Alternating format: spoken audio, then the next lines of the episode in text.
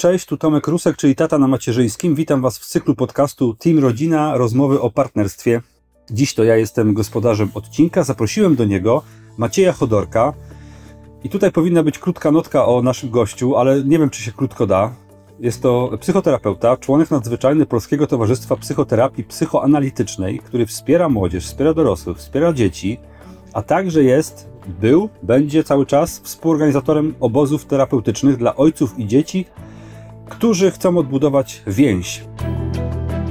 Podcast Team Rodzina. Rozmowy o partnerstwie. Czym jest partnerstwo między kobietą a mężczyzną, kiedy na świecie pojawia się dziecko? Jak zadbać o relacje między rodzicami?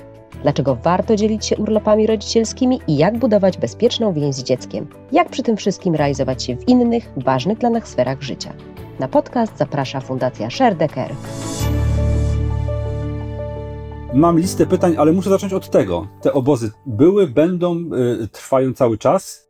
Dzień dobry Tomku, dzień dobry Państwu.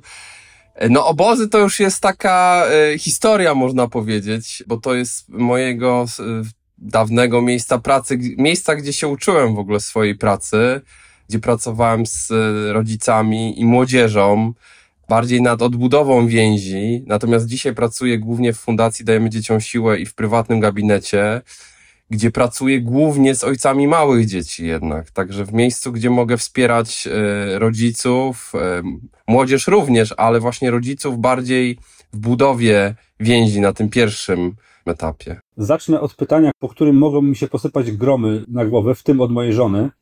Czy to nie jest tak, że ojcowie mają trochę trudniej? Ponieważ mam wrażenie, że rola matki, dobrej matki, jest definiowana mniej więcej tak samo od wielu, wielu lat.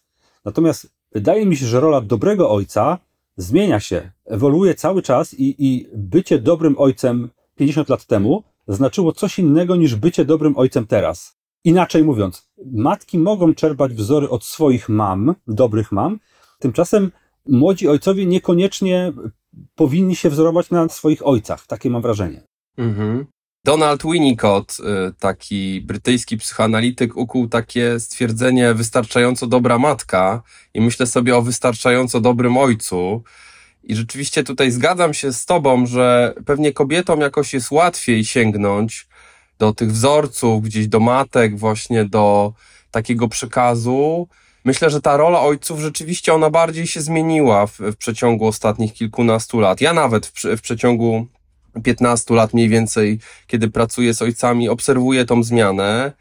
Powiedziałbym o tym, że nie ma takiego jednoznacznego wzorca, właściwie te modele, nawet są takie badania na temat modeli ojcostwa w Polsce, czyli gdzieś jest ten model taki konserwatywny i on się tak ściera z tym takim nowoczesnym, czy jak, jak to nazwiemy, niekonserwatywnym, czy takim nietradycyjnym. Natomiast nie ma jednoznacznego modelu i rzeczywiście może to jest trudniej. Ja kiedyś myślałem o tym i właściwie doszedłem do takiego wniosku, że kobiety gdzieś, to jest oczywiście moja hipoteza, może też taka jakoś kontrowersyjna i może tutaj być dyskutowana, ale że kobiety poprzez jakoś ruchy feministyczne, jakąś taką pracę nad tym, jak ta kobiecość ma wyglądać, czy to macierzyństwo, to jakoś, to jest takie jakoś przepracowywane gdzieś w takim prawda, gdzieś można powiedzieć jakoś tak oglądane, a tu ta rola ojca wydaje mi się, że ona się zmienia na naszych oczach i że jakoś jesteśmy świadkami i współuczestnikami też tej zmiany.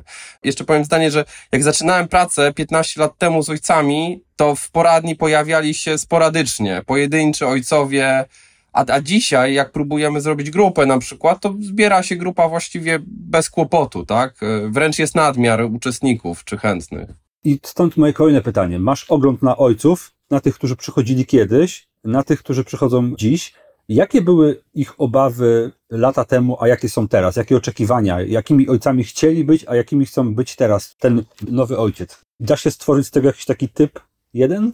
Ja myślę, że po pierwsze to, od czego zaczęliśmy naszą rozmowę, że, że te 15 lat temu pracowałem w miejscu, gdzie bardziej pracowaliśmy już z takimi skutkami nieobecności ojca w pierwszych latach życia dziecka i tego, jakie kłopoty to później powodowało, i jeśli chodzi o rodzinę, i jeśli chodzi o, o dziecko. Bardziej ten ojciec był wtedy sprowadzany jako taki ratownik, jakaś ostatnia deska ratunku, gdy już naprawdę się paliło, dziecko miało kłopoty w szkole z rówieśnikami, używki się pojawiały, prawda? Już widać było, że jest jakiś problem, a dzisiaj można powiedzieć, że mam takie wrażenie, przynajmniej w tym środowisku, gdzie ja pracuję, no bo też trzeba tutaj, myślę, że zaznaczyć, że ja pracuję w środowisku warszawskim głównie i głównie mam kontakt z tymi ojcami gdzieś yy, z Warszawy i z okolic. E, czasami zdarza mi się szkolić gdzieś w Polsce, więc to też jest, ale to myślę, że to no jakby spojrzeć bardziej w dużych miastach, to dzisiaj wydaje mi się, że ci ojcowie, tacy świadomi, czy jakaś taka grupa rzeczywiście,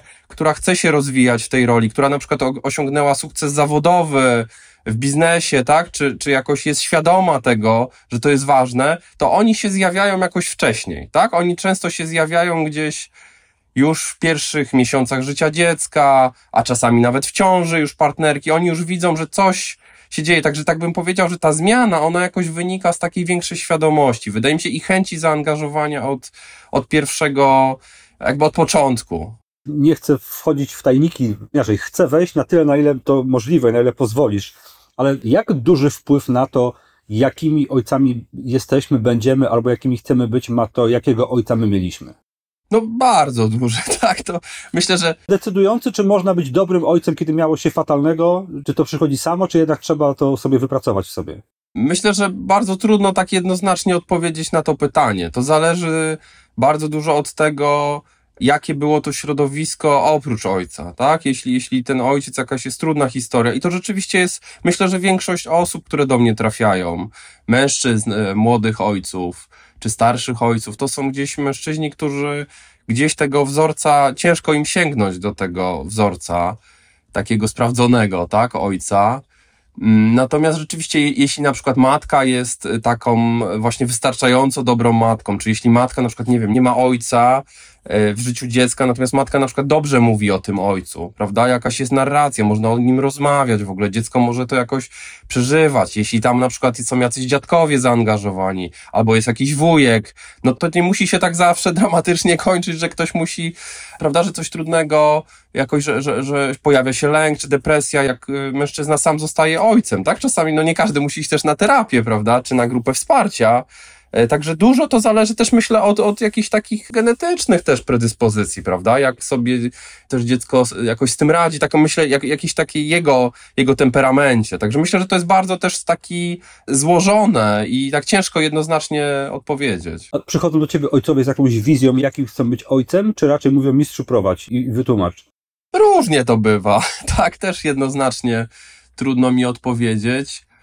Myślę, że gdzieś moja rola w takim kontakcie z takimi ojcami jest pomóc im znaleźć swoją drogę. To znaczy, ja nie, nie oceniam, czy gdzieś nie, nie mówię im, co jest lepsze, tak? Czy, nie wiem, bycie tradycyjnym ojcem, bo myślę, że też są różne, ważne jest, jak to się w parze też dzieje, nie? Jak, jak, yy, jak to jest z partnerką, tak? Czy my się decydujemy, na jaki model my się decydujemy? Czy my się decydujemy na to, że ja pracuję full time i jestem tylko wieczorami jako ojciec, a w weekendy na przykład bardziej jestem obecny, czy próbujemy jakiś robić taki e, miks i gdzie oboje pracujemy na przykład, ale wymieniamy się tą e, opieką, więc ja, ja, nie, ja nie daję ojcom takiej gotowej recepty, bo jedna rzecz to jest, wydaje mi się, ważna, y, znać tą przeszłość, zobaczyć, jak to moje doświadczenie wpłynęło na mnie jako, jako y, mężczyznę, ojca, męża, tak? A druga rzecz to jest też to, jak, jak to jest teraz rzeczywiście, jak, jak, jak my to układamy w parze.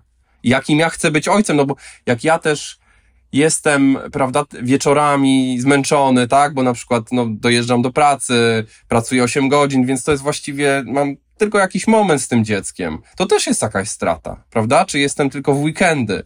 Czy jestem ojcem po rozstaniu, prawda? I to, to jest jakaś strata, więc to myślę, że to wszystko jest jakoś takie indywidualne i ciężko taką zrobić jedną, jeden stempel, dobra, tak, to teraz dobry ojciec to jest ten, co tam siedzi, prawda, cztery godziny, bo ten czas też jest ważny, prawda, jaki to jest czas, taki, myślę tak jakościowo, no to jest taki truizm, który się teraz często powtarza, no ale czy ja właśnie gdzieś jestem w relacji z tym dzieckiem, czy ja je widzę, jakoś je, jego, jego potrzeby, czy ja mam taką przestrzeń na, na, na, na, dziecko, tak? Czasami też jest, te, tego nie zdążyłem powiedzieć przy pierwszym pytaniu, ale też na ile matka mi pozwoli być z tym dzieckiem, tak? Na ile jest takie, takie pojęcie, ty grząski grunt, ale, ale jest takie naukowe pojęcie e, mother gatekeeping, czyli matka trzymająca jakby wejście do, do, do, do świata dziecka. Także to też jest ważne jakoś na ile, na ile matka właśnie gdzieś z tej historii matki Polki, tak, tego takiego jednak, e, że, że kobiety były w jakimś sensie, no, z jednej strony opuszczone, a z drugiej strony, no, miały tą, można powiedzieć, taką władzę też w domu, tak, i wpływ, także to jest bardzo złożone. Ilość czynników jest bardzo duża w tej sytuacji. Kiedy rozmawiasz z ojcami, z mężczyznami, zdarza się, że słyszysz często, rzadko, prawie wcale, albo cały czas, że jest ten problem, że żony partnerki zakładają, że zrobią to lepiej, szybciej, po swojemu i, i ten mąż, ojciec jest troszeczkę z boku, nie dlatego, że nie chce, nie dlatego, że nie umie, a nawet jak nie umie, to chce się nauczyć, tylko dlatego, że z góry partnerka zakłada, że no dobra, dobra, dobra, ja to zrobię, bo będzie szybciej, lepiej i po mojemu to myślę, że to jest bardzo obecne w, w naszej kulturze w ogóle. To, to na grupach na przykład się pojawiają. To no, nawet jest w takim świecie, nie wiem, memów, prawda? Gdzieś w takim, więc myślę, że to jest obecne. Oczywiście to jest różnie, tak? Często jak w parach, które się rozstają na przykład, tak? No to jest w ogóle taka walka, kto umie lepiej, tak? Czasami ojcowie też od początku stają w takiej konkurencji, że matka karmi dziecko, a on chce jakby na równi być, prawda? I też nie widzi tych różnic jakby, że jednak no jest, jest ta biologiczna też więź, tak, że to jednak, to jest inne i jakby więź ojca z, z dzieckiem i matki z dzieckiem, ona jest inna i można jakoś, to się może uzupełniać, prawda, że gdzieś, y, tak mówię, w, w takim dużym w, makro jakiejś skali, jakby tak liczyć, to matki mają więcej lęku w związku z tym, że, że dziecko jest z matki, jakby ta więź, ona jest taka, no tak jak powiedziałem, wręcz biologiczna. A ojciec gdzieś jest tym trochę z boku, tym takim, który musi się dobić o tą więź w jakimś sensie, więc jeśli tutaj weźmiemy właśnie gdzieś to nawet, nie wiem, ubieranie czapeczki, tak, no to ojciec, on może się troszkę mniej bać o to dziecko po prostu, tak zazwyczaj, zazwyczaj jest, bo to też, no nie chcę generalizować, bo są różni ojcowie, tak? Są też tacy, którzy są bardziej macierzyńscy, tak? I, ale tak, wielu ojców mówi o tym, że, że jakoś y, muszą jakby tak się trochę zawalczyć o tą przestrzeń, tak? Trochę, trochę gdzieś tak się przepchnąć z tą, z tą myślą, że no właśnie ja też mogę robić, tak? Ja też mogę, ja też chcę próbować, tak? I to jest właśnie w parze wtedy ważne, żeby to jakoś tak dyskutować, tak? Jakby tak próbować, że ojciec musi dobrze by było, żeby zawalczył, a matka dobrze by było, żeby jednak go wpuściła, dała mu szansę. Nawet jeśli on coś zrobi wolniej, gorzej, inaczej, po swojemu, a w końcu, no rozumiem. A mówiłeś, że przychodzą do ciebie ojcowie też, y, którzy dopiero się szykują do roli ojca albo dopiero co w nią weszli. Jakie są ich największe obawy? Da się to jakoś klasyfikować? Coś, co pojawia się najczęściej, czego się boją, albo jaki niedostatek czują w sobie i z czym przychodzą? No na pewno to jest też coś, o czym już trochę rozmawialiśmy dzisiaj, czyli jakby to, jak czasem oni to mówią, a czasem nie, ale jak moje doświadczenia z moim ojcem, czyli takim ojcem nieobecnym, albo ojcem, który stosował przemoc, ojcem, który nadużywał y, alkohol czy inne substancje, jak to wpłynie na to, jakim ja będę ojcem. Myślę, że, że to jest. Y, większość ojców z tym przychodzi. Bardziej przychodzą, znaczy to jest pod spodem, myślę. Na, na wierzchu jest bardziej to, że po prostu się boją, że nie wiedzą, jak być w różnych sytuacjach, bo na przykład jak ojciec był agresywny, tak, to boją się tej agresji w sobie po prostu, czy to jakoś nie wybuchnie, że skoro oni byli bici na przykład, to czy oni nie będą bić, czy czują na przykład z małym dzieckiem, tak, które wiele może wyzwolić, być takim triggerem, prawda, różnych przeżyć, no bo małe dzieci też różnych sytuacji doświadczają skrajnie, tak? To nie wiem, płacz dziecka, niewyspanie, tak? No to jakby, prawda, powoduje, że te różne takie hamulce, które może mamy często, tak nie wiem, w pracy czy gdzieś, prawda? To małe dziecko może wyzwalać różne uczucia i różne zachowania, które wydawałoby się nam, że skoro, no właśnie, wiem, że miałem przemocowego ojca, to ja na pewno nie chcę być taki. A później się okazuje, że rodzi się dziecko i kurczę, jednak pojawia się ten, prawda, te skrajne uczucia we mnie i czuję, że na przykład, nie wiem, wybuchnąłem, tak? Albo, że właśnie rzuciłem poduszką w dziecko, tak? No mówię o takich już e, doświadczeniach też pracy z, e, z ojcami. Wyobraźmy sobie parę. On i ona, dziecko, mają problemy, ona nalega, żeby on z nią, żeby razem, albo żeby sam on poszedł do specjalisty. Moje pytanie, czy zgodzenie się na spotkanie z specjalistą, terapia, która wynika z tego, że ktoś namówił, jest mniej wartościowa od terapii, gdzie idę sam, bo czuję, że, że powinienem pójść? Pytam, bo nie wiem, bo nie, nie byłem. Zastanawiam się, czy jakby wymuszenie pójścia do specjalisty daje mniej niż samodzielne zgłoszenie się do niego. Czy często pacjent mówi, że jest u ciebie, no bo prosiła go żona, nie wiem, namawiała i tak dalej? Jak zaczynaliśmy pracować z ojcami, to strasznie obrażaliśmy się na takie sytuacje, gdzie żony przysyłały mężów. Myślę, że sami nie lubimy być wysyłani gdzieś przez, przez innych, ale jakby z czasem myślę, że jakimś takim mając większy, większy taki wgląd w tą sytuację, to jest często tak, że żony kobietom być może łatwiej jest sięgnąć po tego typu pomoc i mają różne doświadczenia właśnie rozmów, wsparcia. W ogóle myślę też tak kulturowo, prawda, że jest większe przyzwolenie na tego typu spotkania dla kobiet. Natomiast to się zdarzało chyba kiedyś częściej, że matki kobiety przysyłały mężczyzn na psychoterapię czy na, na grupy. Natomiast y, myślę o tym, że ja, ja zawsze szukam też tej motywacji ojca wewnętrznej, tak? No bo bez tego się nie uda. No właśnie chciałem to zapytać. Jeśli jest, nie jestem przekonany i nie chcę, to rozumiem, że choćbym wysiedział u ciebie parę godzin, to za dużo mi to nie da, tak? Znaczy to bardzo szybko się okazuje w praniu, że tak powiem, tak? Że po prostu jakby szybko się pokazuje, że ja przyszedłem, bo musiałem, bo nie chcę się konfliktować z żoną, prawda? Ale dla mnie to jest, wie pan, zawsze też wiesz, zawsze jest też taka sytuacja, że skoro on przyszedł, to jednak coś, coś tam się kołacze. Więc być może nie teraz, być może nie ze mną, być może nie na grupę, być może nie na indywidualną terapię, ale taka szansa spotkania z terapeutą, zobaczenia, że to jest normalny gość w miarę, tak? Że można jakoś tutaj porozmawiać to może być taki pierwszy yy, znaczący kontakt, że może nie dzisiaj, może nie jestem gotowy dzisiaj z jakiejś przyczyny, natomiast już wiem, gdzie on pracuje, a jak nie on, to może ktoś inny, tak? Że gdzieś to może być taki, można właśnie szykować trochę glebę już na przyszłość. I mi się tak zdarzało. To wydaje mi się, że grupy pod tym względem są łatwiejsze. Bo jak pójdę na grupę, to jestem jednym tam z, nie wiem, z ośmiu, z dziesięciu.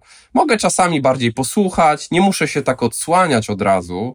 Ale później, jak zobaczę, bo to jest też taki moment na grupie ciekawy, kiedy mężczyźni się otwierają i nagle okazuje się, że to nie jest tak, że to z, pod skórą tych, czy tak pod takim wyglądem zewnętrznym tych twardzieli, takich, którzy tam przychodzą, prawda, i tam patrzą na siebie z podełba na początku. Gdzieś później e, wychodzi jakaś czułość, jakaś taka poruszająca uczuciowość, gdy mówią o, o dzieciakach.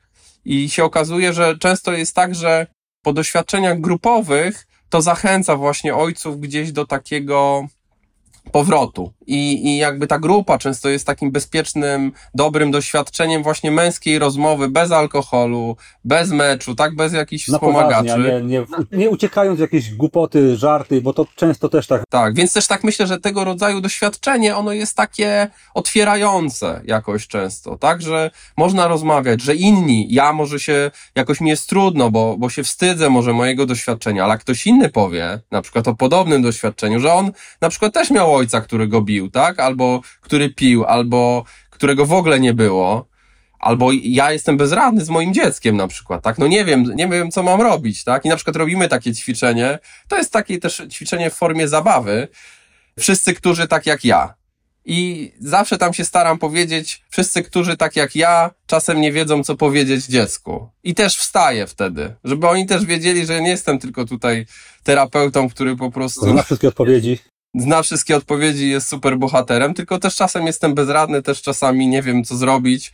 Więc jeśli ojciec ma, może mieć takie doświadczenie, zobaczyć innych mężczyzn, to myślę, że może go to bardzo otworzyć na też takie czułe kawałki, na takie wrażliwe kawałki, gdzieś na takie może trudne też jakieś pokoje w jego, w jego głowie, które były zamknięte przez lata. Powiedz mi, jak z Twojej perspektywy social media zmieniły ojcostwo, macierzyństwo i generalnie bycie rodzicem? Ja jeżeli mogę zacząć od swoich obserwacji, mam wrażenie, że strasznie wbijają nas w straszny wstyd, bo mówiłem też o tym naszym poprzednim gościem, Kamilem Janowiczem, ten świat rodzicielstwa jest strasznie wyidealizowany i nam się wydaje, że nie jesteśmy tak sprawni w gotowaniu, tacy świetni w opiece, nie dobieramy tak super prezentów, nie spędzamy tak fajnie czasu jak ci inni, których oglądamy. I, i, I to samo biczowanie sprawia, że wydaje nam się, że nasze rodzicielstwo jest dużo gorsze od tego jakiegoś, które oglądamy. Masz podobny pogląd, czy, czy odbierasz to inaczej? To jest jedna część, a druga część, jak rozmawiamy też o ojcostwie, jest taka, że obserwuję taki niesamowity boom, jeśli chodzi o blogi ojcowskie, prawda? Nawet nasza rozmowa tutaj dzisiaj, prawda? Więc można powiedzieć, że to jest, jest nie, nie mam takiego jednoznacznej odpowiedzi, Dwie tak? Czy to strony do, no, tak, tak, to są dwie strony medalu i myślę, że warto widzieć je i też możliwość takiego odsiania też, to znaczy no to jest pewnie trud, żeby odsiać gdzieś te informacje i to jest pytanie jakby też z jakich źródeł korzystamy, prawda? Więc tak myślę, że to jest może jakiś taki trud, ale na przykład myślę sobie o, o tym, że nasza rozmowa, prawda, jest, yy, mimo że dla mnie też niełatwa, nie, nie jest łatwo występować tutaj, prawda, mówić, natomiast tak czuję też, że na przykład o ile moja praca taka na co dzień, ona jest pewną wąską grupą odbiorców, no bo też jestem w stanie ileś tam osób przyjąć, czy ileś grup prowadzić w roku. Natomiast no, zasięg naszej rozmowy może być zupełnie inny i może dotrzeć do ludzi z drugiej strony Polski, a nawet z zagranicy, prawda, którzy gdzieś sobie inaczej spojrzą na to. Ja wiem, że to zabrzmi tkliwie, ale myślę sobie, że jeśli jeden ojciec chociaż po tej rozmowie zdecyduje się na wizytę u specjalisty albo na pogadanie z kimś szczerze, to, to było warto, tak jest moje zdanie. Jeszcze a propos social mediów mam jedno pytanie, bo bardzo lubię zagłębiać się w fora matek internetowe i jestem też na kilku forach ojców jako obserwator. I mhm. jedną z moich obserwacji jest to, że matki dużo chętniej i łatwiej opowiadają o sobie, y, o swoich problemach. Inna sprawa, jak to jest potem odbierane, nieważne. Chodzi mi o, o pewne podejście. Matka pyta, co ma zrobić, kiedy nie ma siły wieczorem, kiedy płacze nocą, kiedy jest roztrzęsiona i nawet czasem pisze dramatyczne wyznania, nie wiem, że y, potrząsnęłam dziecko, dzieckiem o matko, co ja zrobiłam, dziewczyny doradźcie. Za to faceci prawie nigdy o tym nie piszą. Oni pytają, jak zamocować półkę w dziecięcym, jakie kołki rozporowe użyliście do montażu huśtawki. Tam nie ma w ogóle dzielenia się emocjami i problemami innymi niż techniczno-organizacyjne. Czy ta różnica y, jest też u Ciebie widoczna na spotkaniach? Mówisz o ojcach, nie wiem, nie, nie wiem jakie masz doświadczenia z, z terapiami mam czy, czy kobiet. Czy też to wychodzi u, u specjalisty? Ta taka niechęć do, do mówienia o emocjach i, i dzielenia się problemami głębszymi niż montaż półki czy wymiana akumulatora w samochodzie, bo to jest najczęściej jak czytam na forach ojcowskich. Jak wymienić akumulator w tym dużym samochodzie, w którym dziecko jeździ? Myślę, że trochę wcześniej odpowiedziałem już na to pytanie, że, że często to jest jakby to, co jest na zewnątrz, a jeśli się uda właśnie gdzieś, że tak powiem, tutaj stworzyć bezpieczną atmosferę na spotkaniu, czy indywidualnym, czy na grupowym, no to mężczyźni się otwierają. Ja, ja też pracuję z, z kobietami, z matkami również. W takim zespole, w którym jestem, yy, w Fundacji Dajemy Dzieciom Siłę, jestem wprawdzie jedynym mężczyzną, więc trochę tak jakby z automatu po prostu ci mężczyźni trafiają do mnie. Ja też tak yy, odpowiadam, że tak powiem, za tą męską działkę i jakby jestem takim oj, ojcem tego, całej tej części, więc jakby tych matek nie jest wiele. Też trochę tak jest w tej branży w ogóle, że tak powiem, terapeutycznej, że y, głównie do, do prywatnego gabinetu również trafiają do mnie ojcowie i młode chłopaki, że tak powiem, taki na, na, nastolatki. No bo jest po prostu niedosyt też mężczyzn i, i, I często oni też mówią, że to ma znaczenie, tak? Że z mężczyzną jest im łatwiej rozmawiać, y, się spotkać. Właśnie być może to, co, to, co mówisz, na takiej zasadzie, że jakoś bardziej ich zrozumiem, tak? Bo też wbijam kołki rozporowe, czy chociaż różnie to tam akurat u mnie bywa. Ja myślę, że to jest gdzieś wokół takiego stereotypu też, nie? Że, że właśnie kobiety rozmawiają, a mężczyźni to bardziej tak praktycznie technicznie. Bo co, bo u nas to słabość jest? Przyznanie się, że jest mi ciężko, bo łatwiej powiedzieć, że nie wiem jak zamontować huśtawkę niż powiedzieć, że tak. w nocy zdarza mi się im popłakać z bezsilności, bo... Tak, tak tak mi się wydaje, że, że gdzieś to uczucie bezradności, w ogóle ono jest trudne, myślę, że i, i dla matek, i dla ojców, ale tak wydaje mi się, że właśnie kulturowo to mężczyźni z tym takim pokazaniem bezradności mają większy trud, tak? Że bardziej to idzie czasami w taką złość, tak? W taki gdzieś e, czasami w, w agresję, ale jak się tak właśnie przyjrzy temu, czy jakoś tak z nimi porozmawia o tym, no to gdzieś często się okazuje, że to jest trochę tak jak z górą lodową, nie? Że na wierzchu jest właśnie jakaś złość, czy, a, a pod spodem jest jakaś bezradność, w ogóle takie zagubienie, tak? Że to, no właśnie młody ojciec, tak, tak. Myślę sobie też o takim trudzie czasami, że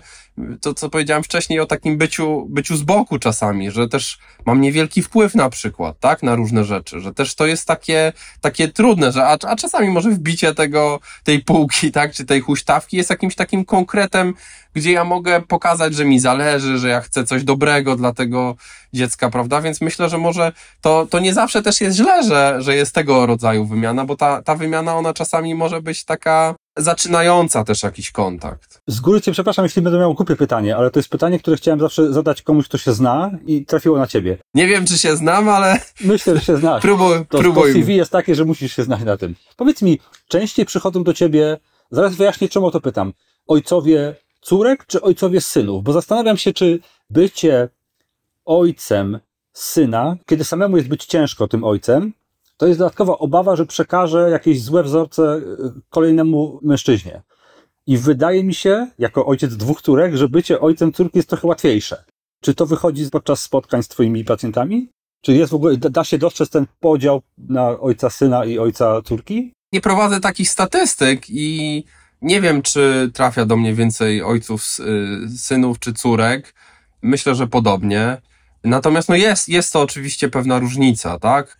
Myślę, że rola ojca dla syna, wobec syna, ona jest inna e, niż wobec córki.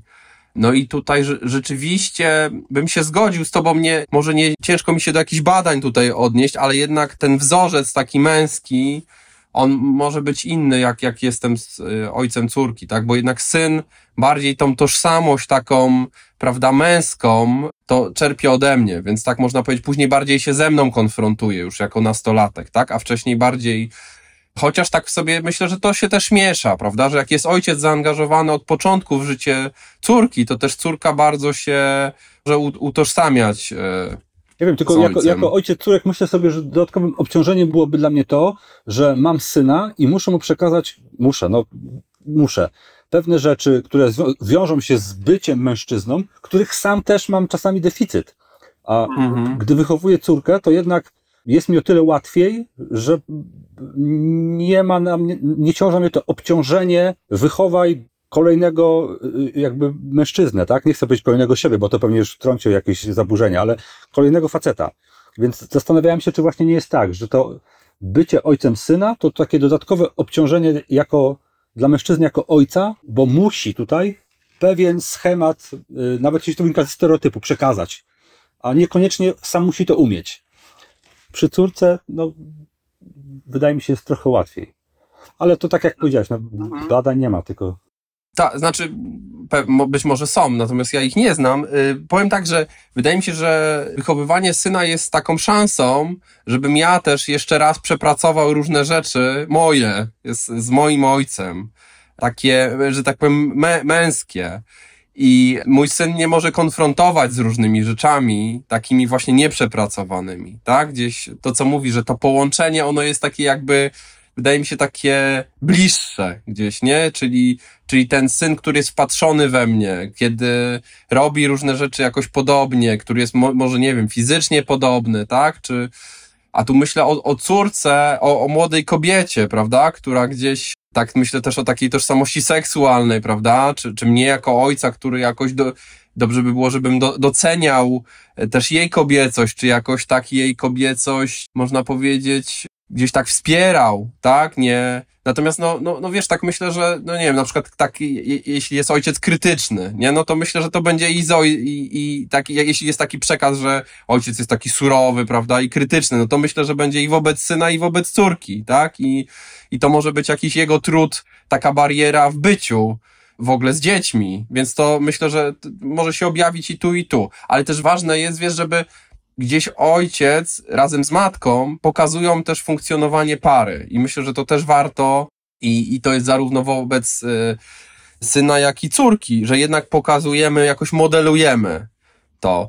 Ja się podzielę takim, wiesz, może prywatnym tutaj taką częścią, ale ja, ja też jestem ojcem córki już nastolatki takiej młodej i też byłem dosyć obecny też w jej wychowaniu. I ona na przykład, y, ja sportowo jestem, lubię sport i uprawiam wiele dyscyplin.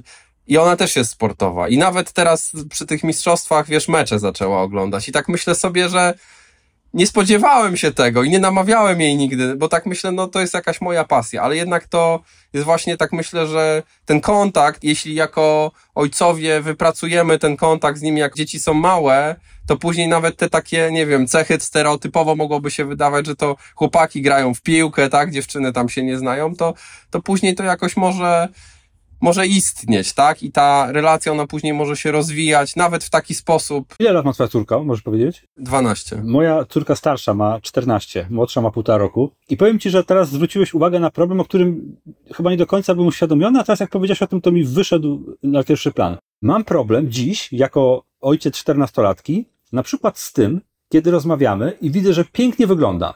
I mam jej ochotę powiedzieć, Nata, ale ładnie wyglądasz. Ale z tyłu głowy mam jakieś kolejne badania czy opinie, którymi się zaczytujemy w internecie, które mówią, nie komplementuj wyglądu y, dzieci, bo y, łatwo utrwalasz takie podejście, że wygląd jest najważniejszy i, ją definiuje, ją czy jego. Jak pójdzie jej świetnie jakiś test, to już też wiem, że nie mogę mówić udało ci się, bo odbieram jej sprawczość. Powinienem powiedzieć, że super, wiem, że ciężko na to pracowałaś. I czemu o tym mówię? Bo to jest właśnie ta zmieniająca się rola ojca, rodzica, ojca. Bo paręnaście lat temu nikt mi o tym nie mówił. Każdy ojciec mówił y, córce, że jest piękna.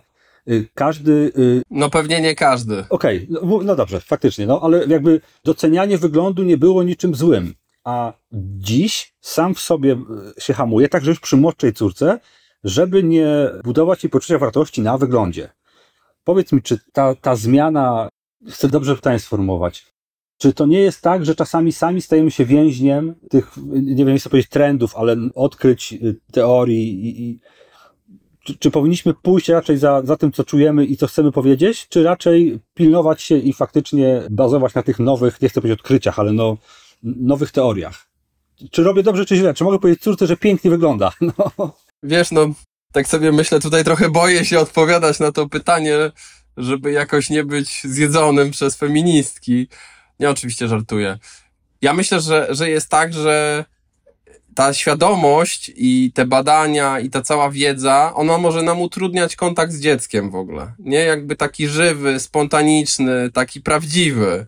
I ja myślę, że o ile to nie jest jakoś krzywdzące dla dziecka, o ile wiesz, też mam takie doświadczenie w, w, w pracy akurat z, z mamą w, e, ojca, który, znaczy przychodziła do mnie kobieta, matka, której ojciec był bardzo krytyczny wobec jej wyglądu zewnętrznego. Komentował jej części ciała, mówił, że jest gruba, prawda? W taki sposób, no, mocno przekraczający granice i taki agresywny właściwie. No i można powiedzieć, że wtedy to jest y, coś, co na pewno nie buduje, tak? Co jakby sprawia, że później, no właśnie ludzie jakoś potrzebują pomocy, żeby sobie też poradzić z tym, że gdzieś ten krytyczny ojciec, ten jego głos y, zostaje. Więc ja, ja myślę, że gdzieś żywy, taki spontaniczny kontakt ojca z córką czy z synem, tak? Czy gdzieś ten, te słowa, tak? Przecież to jest jakaś wymiana, tak? Ty coś mówisz, ona jakoś odpowiada, tak? Możesz zobaczyć, wiesz, jak ona też reaguje na to, nie? Jak, ale ojciec, który mówi, ładnie wyglądasz, pięknie się ubrałaś dzisiaj, czy nie wiem, ładny makijaż, to wiesz, moje osobiste zdanie jest takie, co jest w tym złego właściwie, nie? Jakby co, wiesz, no oczywiście zakładam, że nie tylko to jej mówisz, nie? Jakby, że, prawda, że, że jak y, dobrze jej pójdzie test, to też to doceniasz, taki, nie wiem, wkład pracy, ale myślę, że wiesz, jak, jeśli byśmy cały czas chodzili i po prostu gdzieś na takiej wewnętrznej cenzurze, o rany, to powiedziałem, ale to właściwie, to czy to dobrze? No to właściwie jaki my mamy kontakt z tym dzieckiem, nie? Jakby Powiedziałem wcześniej o tym wystarczająco dobrym rodzicu i to jest takie jakoś stwierdzenie, które ze mną chodzi, tak? Że możemy czasem też popełnić jakiś błąd w kontakcie z dzieckiem, nie wiem, krzyknąć albo nie wiem, przeknąć, tak? Albo a później możemy wrócić i przeprosić, powiedzieć, słuchaj, przepraszam, no jakoś wytłumaczyć trochę, byłem zmęczony, praca, w pracy mam ciężko, tak? Wybuchnąłem, tak? No bo to też jakby my w ten sposób też modelujemy, tak? Możemy różne rzeczy mówić właśnie gdzieś korzystając z badań, wiedzy. Natomiast jakby ważne jest też to, co robimy. Jeśli ja mówię y, swojemu dziecku, super wyglądasz, ale na przykład krytykuję swoją żonę, tak? Czy jakoś tutaj, prawda, no nie, nie doceniam jej kobiecości, no to jaki to jest wzorzec, tak? To jest jakby też nieprawdziwe wtedy i dzieci to widzą i, i dzieci się uczą też jakby z tego modelowania właśnie, bardzo, tak? Nawet bardziej niż jakby tymi, niż wtedy, kiedy mówimy jakimiś formułkami do nich, tym, co wyczytaliśmy. A jeszcze mam jedno pytanie, które odnosi się znowu do Twojej pracy bezpośrednio. Czy dostrzegasz różnicę w obawach i problemach ojców starszych i naprawdę młodych? Jest Ale wiekowo czy stażem? wiekowo. Wiekowo, ale też stażem. Generalnie domyślam się, że są to różne problemy, to bez dwóch zdań. Ale ojciec, który będzie miał pierwsze dziecko, nie wiem, ma 22 lata, ale ojciec, który miał pierwsze dziecko i ma 45 lat. Czy tam na przykład się już pojawia obawa o, o, o śmierć, o niedoczekanie dorosłości dziecka? Masz takie, takie doświadczenia? Tak, tak, to jest inna praca jest z takimi młodymi ojcami, no szczególnie jak to są na przykład ojcowie nastolatki, tak, bo też mi się zdarzyło z takimi pracować, którzy jakoś przedwcześnie w ogóle, prawda, samemu będąc tak naprawdę jeszcze no takimi starszymi dziećmi, tak, e, niedojrzałymi, gdzieś zostają ojcami. I tu w ogóle jest inna praca, żeby im pomóc w ogóle wejść w tą rolę, a inaczej jak jest na przykład to taki mężczyzna, który po czterdziestce ma pierwsze dziecko na przykład takie wyczekane, albo na przykład gdzie, gdzie para nie mogła, gdzie kobieta nie mogła zajść w ciążę długo, tak, albo gdzie właśnie mężczyzna długo w ogóle nie y, prowadził kawalerskie życie, prawda, i, i, i późno został ojcem. Tak, tak, to są inne, jakby innego typu je- jest, y, myślę, że kłopoty po prostu są inne. To jest tak, jak wcześniej powiedziałem o tych ojcach takich tradycyjnych i, i, i nietradycyjnych. Po prostu ja pracuję z tym, jakby co oni przynoszą, w jakiej oni są sytuacji, jakby co dla nich jest kłopotem, szukając jakby tego ich modelu też takiego ojcostwa, jak, jaki on ma, jaki on ma być. No nie wiem, starsi ojcowie na przykład mają mniej siły, tak, jakby, a z drugiej strony więcej doświadczenia, tak, często takiego. Wejdę ci takim- zdanie, bo powiem ci, że y, widzę to po sobie. Moja żona się śmieje zawsze ze mnie, a ja naprawdę widzę, że jakby, gdy byłem ojcem przy Nacie, kiedy ja miałem 20 parę lat i teraz przy Helenie, kiedy mam 41, to ja naprawdę widzę y, te braki w sile. Ostatnio musiałem iść do fizjoterapeuty, bo mi plecy strzeliły od wnoszenia wózka na, po, po czterech schodach i śmiałem się z tego, ale, ale w środku myślałem sobie, kurde, to naprawdę jest w cierpliwości straszny deficyt, w śnie, coś czego nie miałem jako młody ojciec, mogłem spać trzy godziny i, i, i spoko. Więc myślę, że też wielu ojców nie zdaje sobie sprawy, sprawy, jak ich kondycja też fizyczna będzie miała, będzie miała znaczenie przy wychowywaniu dziecka, przy, przy tej opiece. To, to, No tak, ale z drugiej strony masz doświadczenie już, prawda, starszej córki, nie przestraszasz się tak łatwo, prawda, wiesz już, co jest mniej więcej, jak e, apteczkę macie już przygotowaną, także tak, prawda, gdzieś są, tak, no są też te plusy, tak.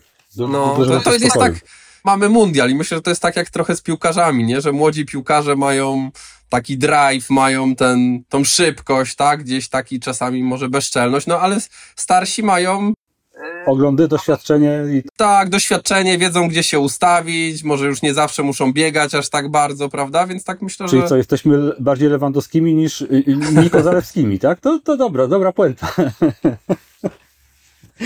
Mogę być Luką Modliczem. Ach, wspaniale się rozmawiało. Serdecznie dzięki za, za czas. Powiedz mi jeszcze, gdyby ktoś po rozmowie powiedział, ale sympatyczny człowiek, chętnie bym się z nim spotkał. Gdzie można cię znaleźć, gdzie można się z tobą umówić? Gdzie przyjmujesz? Można mnie znaleźć w internecie, gdzie mam stronę, gdzie są szczegóły dotyczące nie jest miejsca, wiele. gdzie pracuję, jeśli chodzi o prywatny gabinet, e, ale też jestem w Fundacji Dajemy Dzieciom Siłę, w takim programie, który się nazywa e, Centrum Dziecka i Rodziny, tak, gdzie pracujemy z rodzicami małych e, dzieci, tam jest nieodpłatna pomoc, będziemy się teraz zmieniać w kierunku takiego, myślę, bo to też jest taki kierunek, w którym się rozwijam, mentalizacja się nazywa, i będziemy w takim ewoluować w ramach fundacji Dajemy Dzieciom Siłę w taki program Rodzic jako latarnia morska. To jest oddzielny temat na oddzielną rozmowę, ale też bardzo ciekawy. Jestem w takim szkoleniu, że tak powiem, tutaj z, z osobami z Wielkiej Brytanii, jakby rozwoju też w takim, w, w, ta, w takiej technice pracy z rodzicami. Nie wiem, czy takie pytanie mogę zadać psychoterapeucie, ale czy pomaganie innym tobie też trochę pomaga? Mówię teraz o, o rodzicielstwie, o Oczywiście, tak, oczywiście. Każdy kontakt gdzieś e, z, z pacjentem też mnie zmienia i czasami pacjenci stawiają pytania, których ja bym sam sobie nie postawił, tak? E, Mają refleksje, których ja bym sobie nie postawił, a czasami sami mnie konfrontują, bo ja też jestem trochę wtedy ojcem dla nich e, w takiej roli. Trochę oczywiście, a trochę takim też partnerem w, w tych rozmowach ale jak najbardziej. Myślę, że też taki był początek, jak zaczynałem pracować z ojcami. To będzie dobra klamra do naszej rozmowy. Gdy zaczynałem pracować z ojcami, uczyłem się od starszych kolegów, którzy też trochę byli dla mnie ojcami takimi terapeutycznymi, a też chcieliśmy jako mężczyźni po prostu mieć swoją przestrzeń, gdzie będziemy robić, co my uważamy, że jest potrzebne dla mężczyzn i po prostu chcieliśmy być ze sobą i, i rozmawiać na poważne tematy z, z innymi. Super, dziękuję. Maciej Chodorek, Fundacja Sherdecker, tata na macierzyńskim. Pozdrawiam Państwa serdecznie i pozdrawiam Wasze dzieci. Do usłyszenia. Spodobał Ci się nasz podcast? Wejdź na www.sherdecker.pl i zobacz, co jeszcze robimy, aby wspierać rodziców we wdrażaniu partnerskiego modelu rodziny. Znajdź nas na patronite.pl i wesprzyj naszą zbiórkę na organizację bezpłatnych webinarów prawnych i psychologicznych dla rodziców.